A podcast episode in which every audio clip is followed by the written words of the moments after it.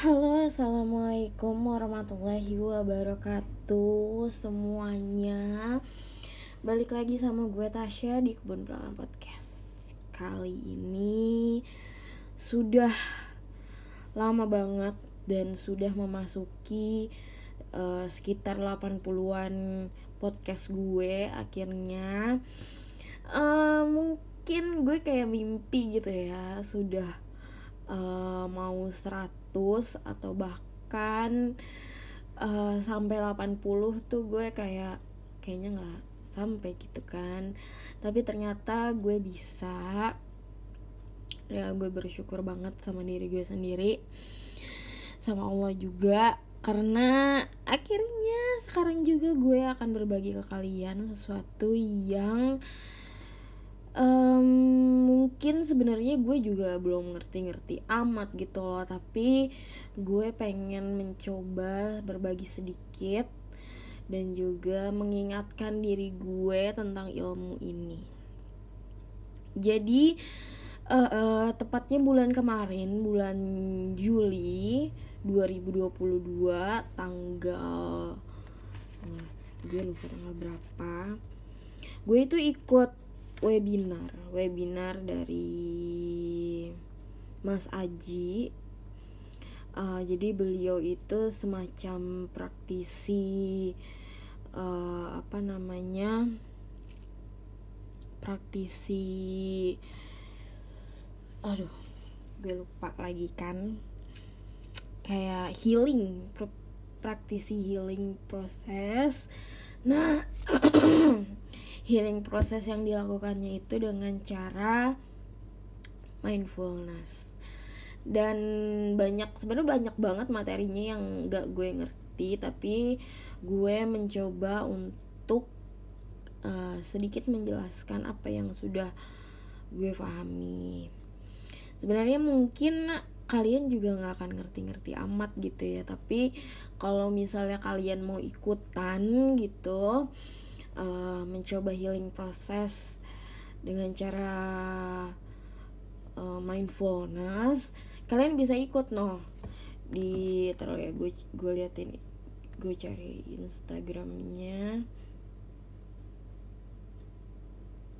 Tadi gue nemu instagramnya. Instagram update update live dulu kali ya.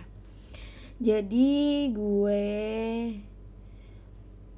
uh, oh ya ini instagramnya itu at aji santoso putro. Jadi kalian bisa langsung cek ke sana karena hmm, banyak informasi tentang healing proses tentang healing dengan metode mindfulness dan juga beberapa uh, konten yang dia punya juga membahas dari healing proses dengan mindfulness tersebut. Uh, update live kali ini alhamdulillah kenapa gue vakum cukup lama hampir sebulan lebih ya kan bahkan gue sebenarnya juga agak males gitu untuk memulai uh, podcast ini lagi karena hmm, gue habis bertemu dengan depresi gue. Jadi bulan Juni Juli bulan Juli itu um, adalah masa depresi gue.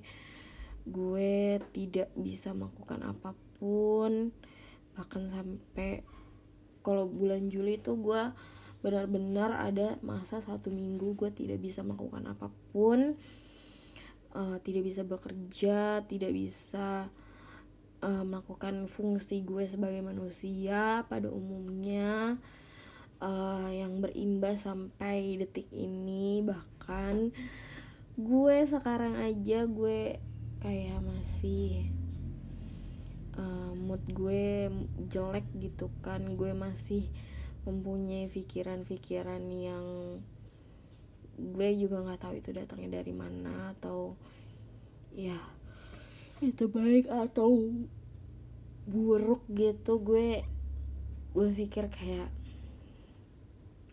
um, apalagi tentang pekerjaan gitu. Gue masih belum nyaman. Gue sekarang juga hari ini gue belum bisa datang kerja karena sebenarnya gigi gue lagi sakit. Gue nggak tahu itu cuman alasan atau beneran badan gue punya signal kayak gitu. Terus juga ya gue sempet seneng gitu bulan Juni obat gue diturunin karena bulan Juni kemarin uh, mood gue tuh baik banget bulan sebelum bulan Juni apa ya? April Mei.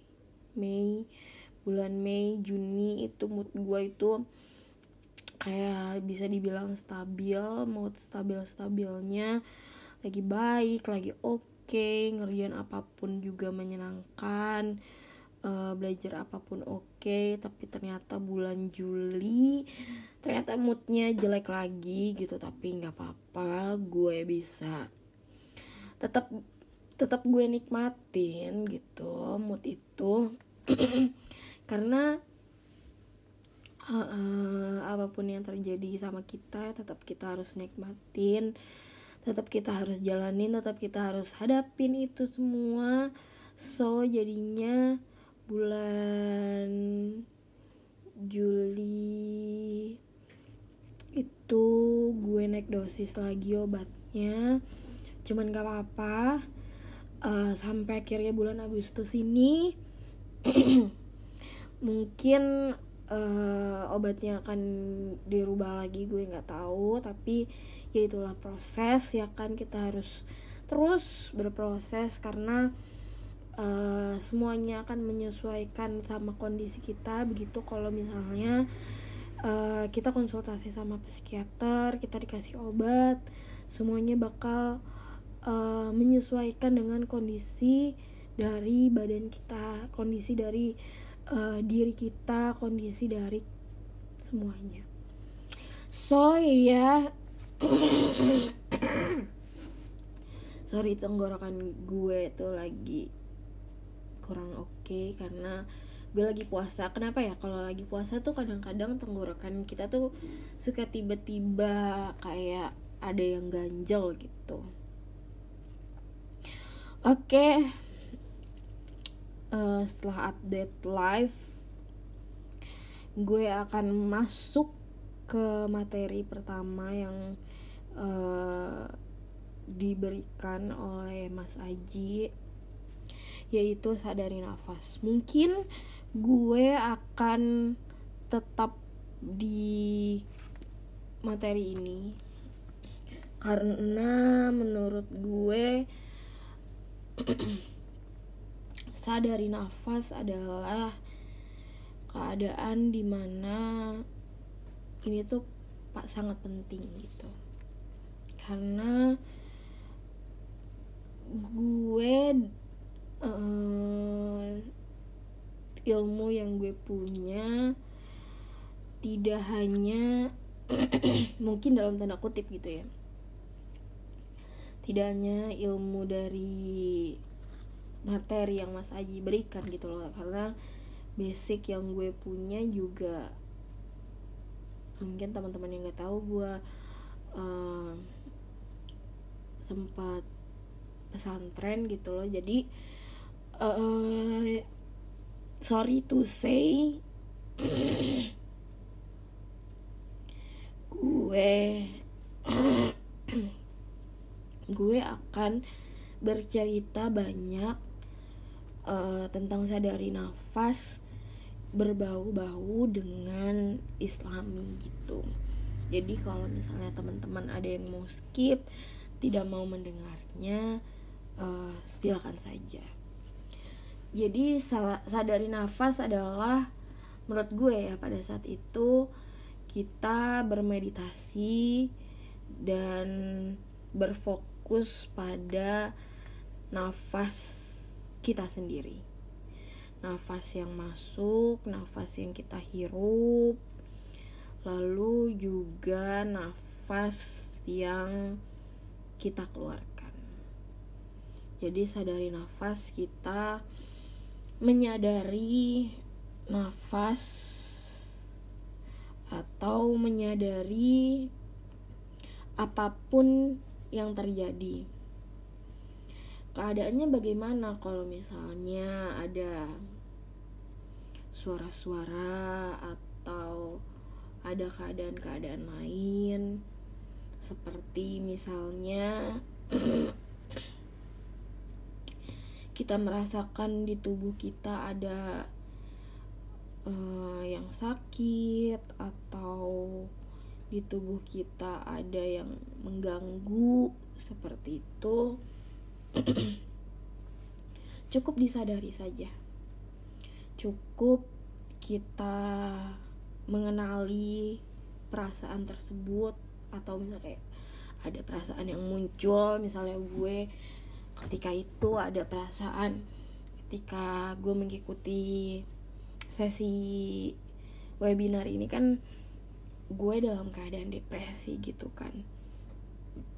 Yang otomatis datang adalah perasaan khawatir, perasaan sedih.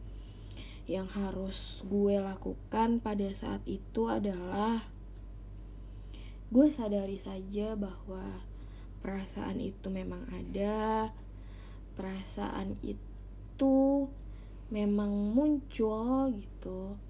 Dan perasaan itu adalah perasaan sedih, perasaan khawatir, lalu yang gue lakukan adalah kembali lagi ke nafas, kembali lagi gue fokus dengan nafas yang gue hirup, lalu nafas yang gue keluarkan. Nafas ini mengajar, mengajarkan kepada gue banyak hal. Mengajarkan bahwa hidup, bahwa kita hidup, sesuatu yang hidup, yaitu manusia gitu kan. Kita bernafas, kita menghirup udara lalu mengembuskannya lagi lalu selanjutnya juga mengajarkan kita bersyukur gitu bahwa uh, pada saat ini atau pada saat itu gue masih bernafas gue dalam keadaan yang sehat gitu. Gue dalam keadaan yang mudah untuk mengambil nafas.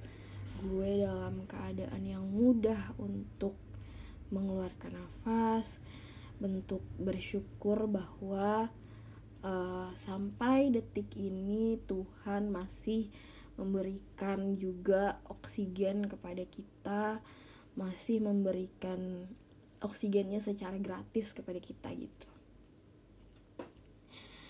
Lalu karena biasanya ketika kita berada di meditasi sadari nafas ini yang lebih ramai itu tuh bukan dari luar biasanya tapi dari pikiran kita seperti yang gue jelaskan bahwa gue timbul perasaan sedih, khawatir, terus juga kalau yang gue tulis di sini ada perasaan takut.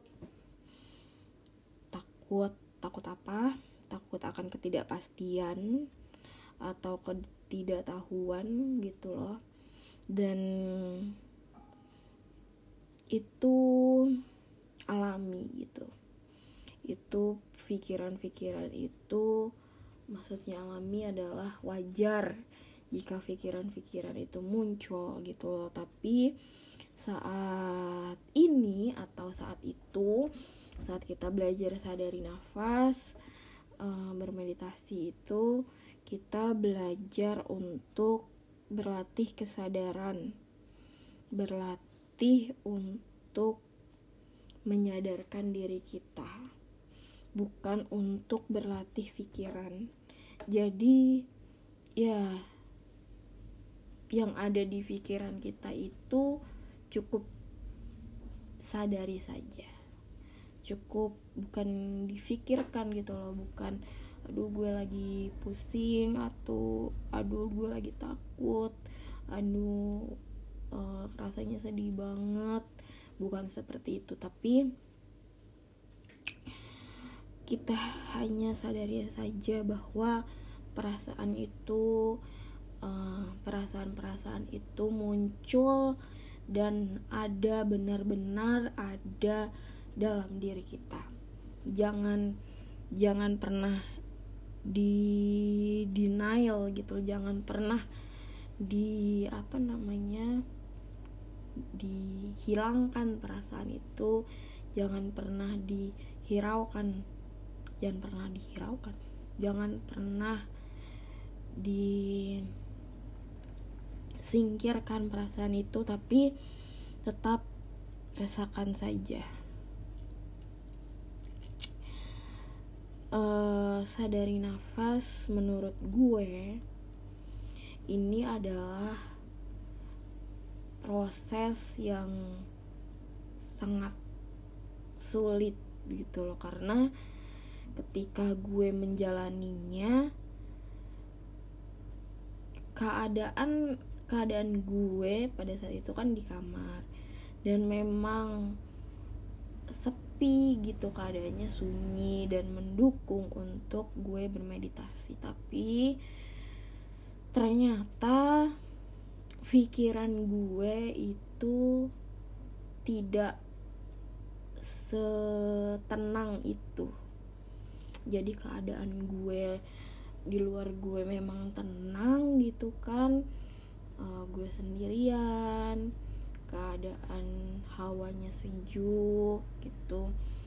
Tapi ternyata dari dalam diri gue nya sendiri ini mereka yang sangat ribut gitu sangat sangat uh, seakan-akan beradu untuk keluar, beradu untuk menunjukkan dirinya gitu loh, menunjukkan bahwa kayak gue tuh lagi takut, bahwa gue tuh lagi sedih, bahwa gue tuh lagi khawatir. Mereka yang meluap-luap membuat gue jadinya hmm, untuk sadari nafas ini sangat-sangat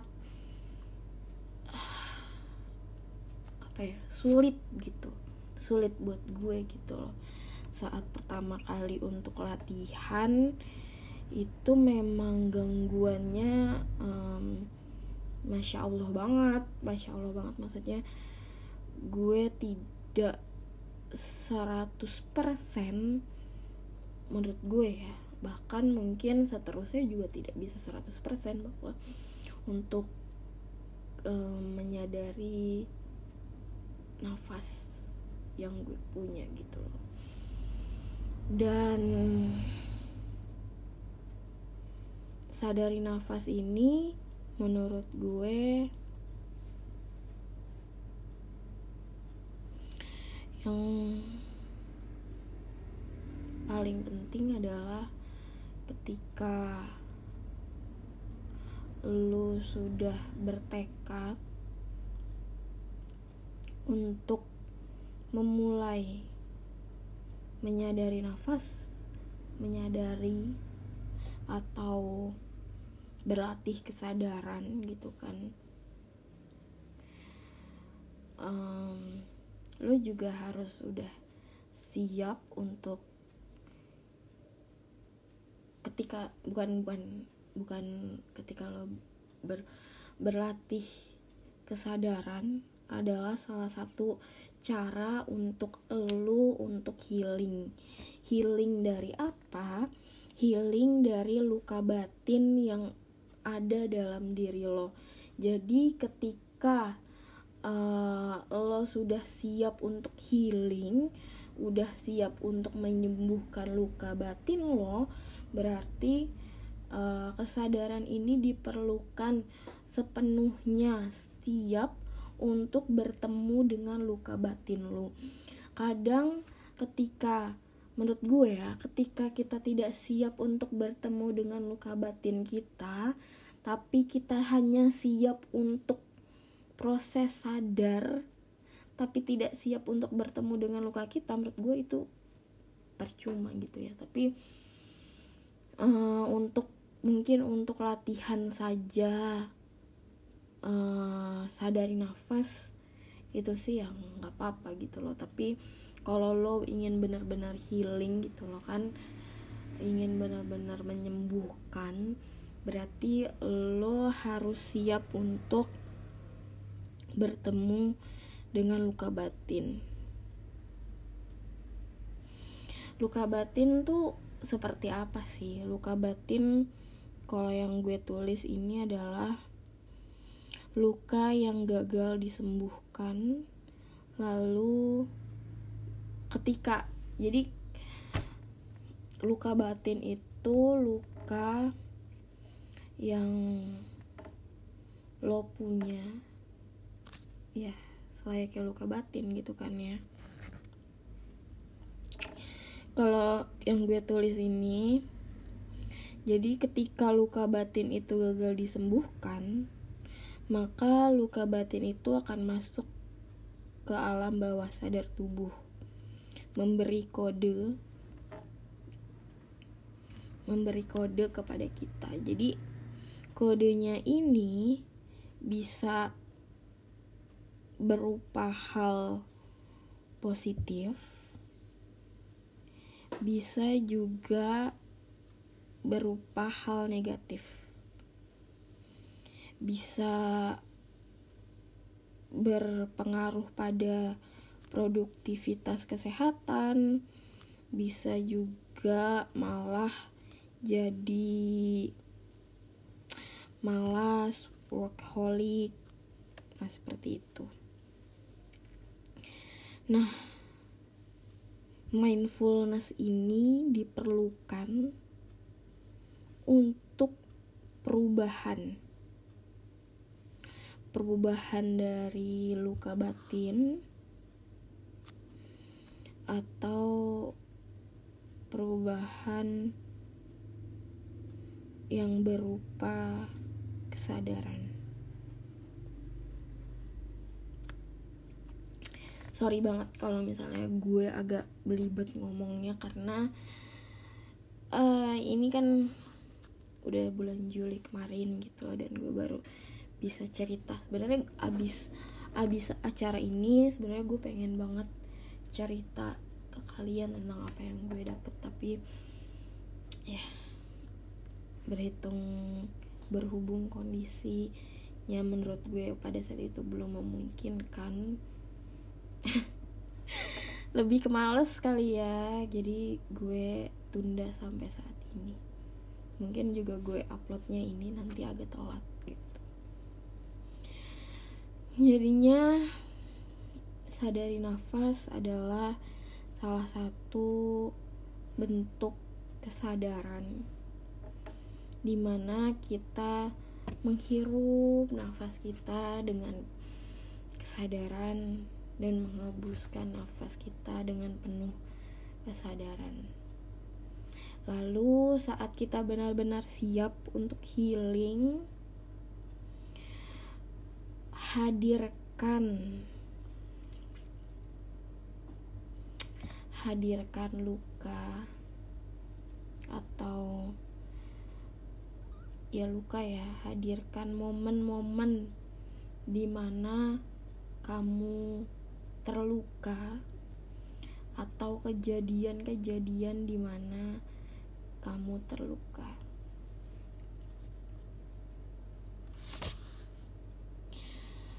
Kalau perandaiannya itu adalah kesadaran itu, jadi kadang kita tuh tidak bisa membedakan kesusahan saat kita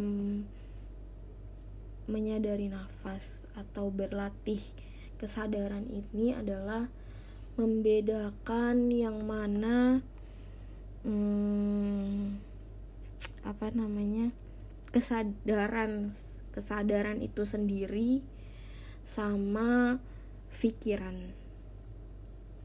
Jadi membedakan dua hal ini tuh begitu sulit gitu loh karena kadang yang kita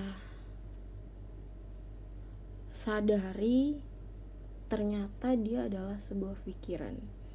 Yang kita pikirkan itu sebenarnya juga kesadaran. Jadi dua hal ini memang apa saling beradu gitu kan. Jadi kita kadang agak sulit membedakan kedua hal ini. Jadi perandaiannya itu adalah kesadaran adalah langit kesadaran itu berupa langit gitu loh. Dan pikiran itu berupa awan. Jadi langit itu selalu menerima awan. Jadi langit itu selalu jadi kesadaran itu selalu menerima semua yang kita pikirkan. Makanya ketika uh, gue bilang kita berada di titik kesadaran kita berlatih pernafasan berlatih kesadaran pikiran itu ketika pikiran-pikiran yang banyak yang ribut itu muncul ya terima saja. Menurut gue seperti itu. Dan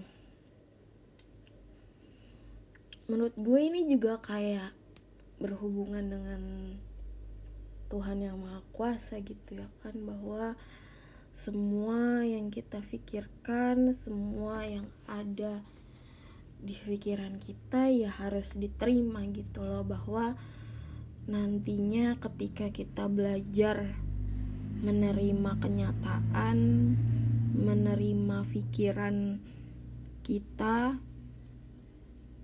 menerima kode yang diberikan badan kita dan pikiran kita, kita harus legowo bersyukur mensyukuri gitu loh. Makanya nafas nafas adalah hidup. Dan hidup ya harus kita syukuri gitu loh. Begitu juga ketika luka batin itu ada mau dia gagal untuk kita obati atau mungkin sedang kita obati itu harus kita bisa terima harus kita bisa syukuri bahwa dia hadir kepada kita.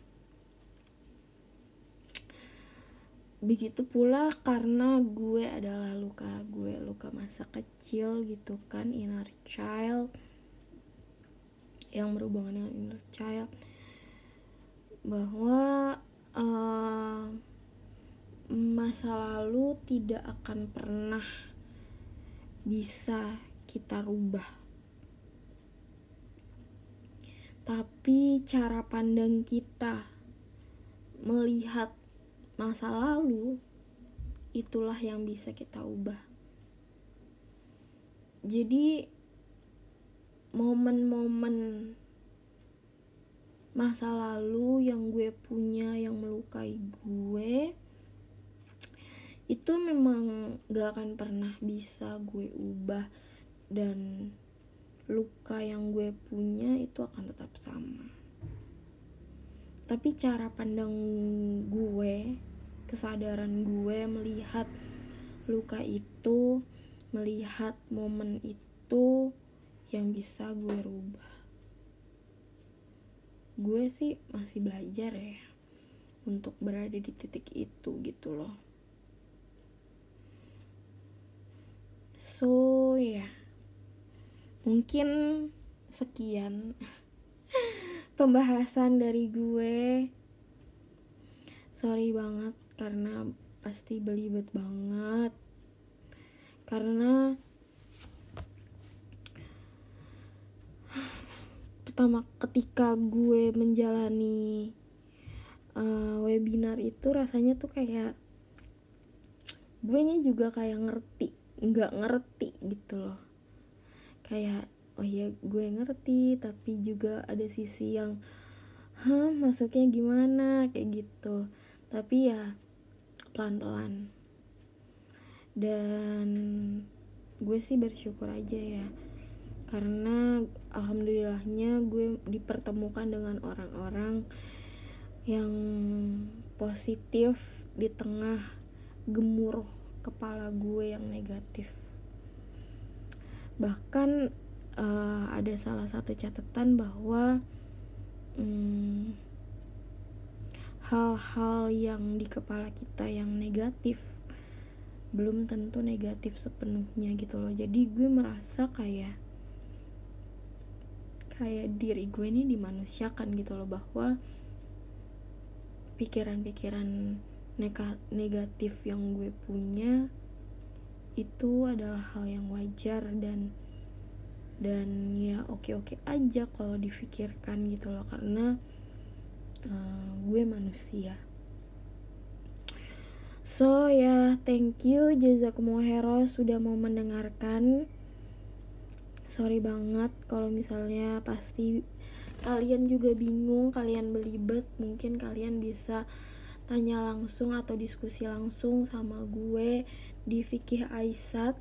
Itu nama apa Instagram gue atau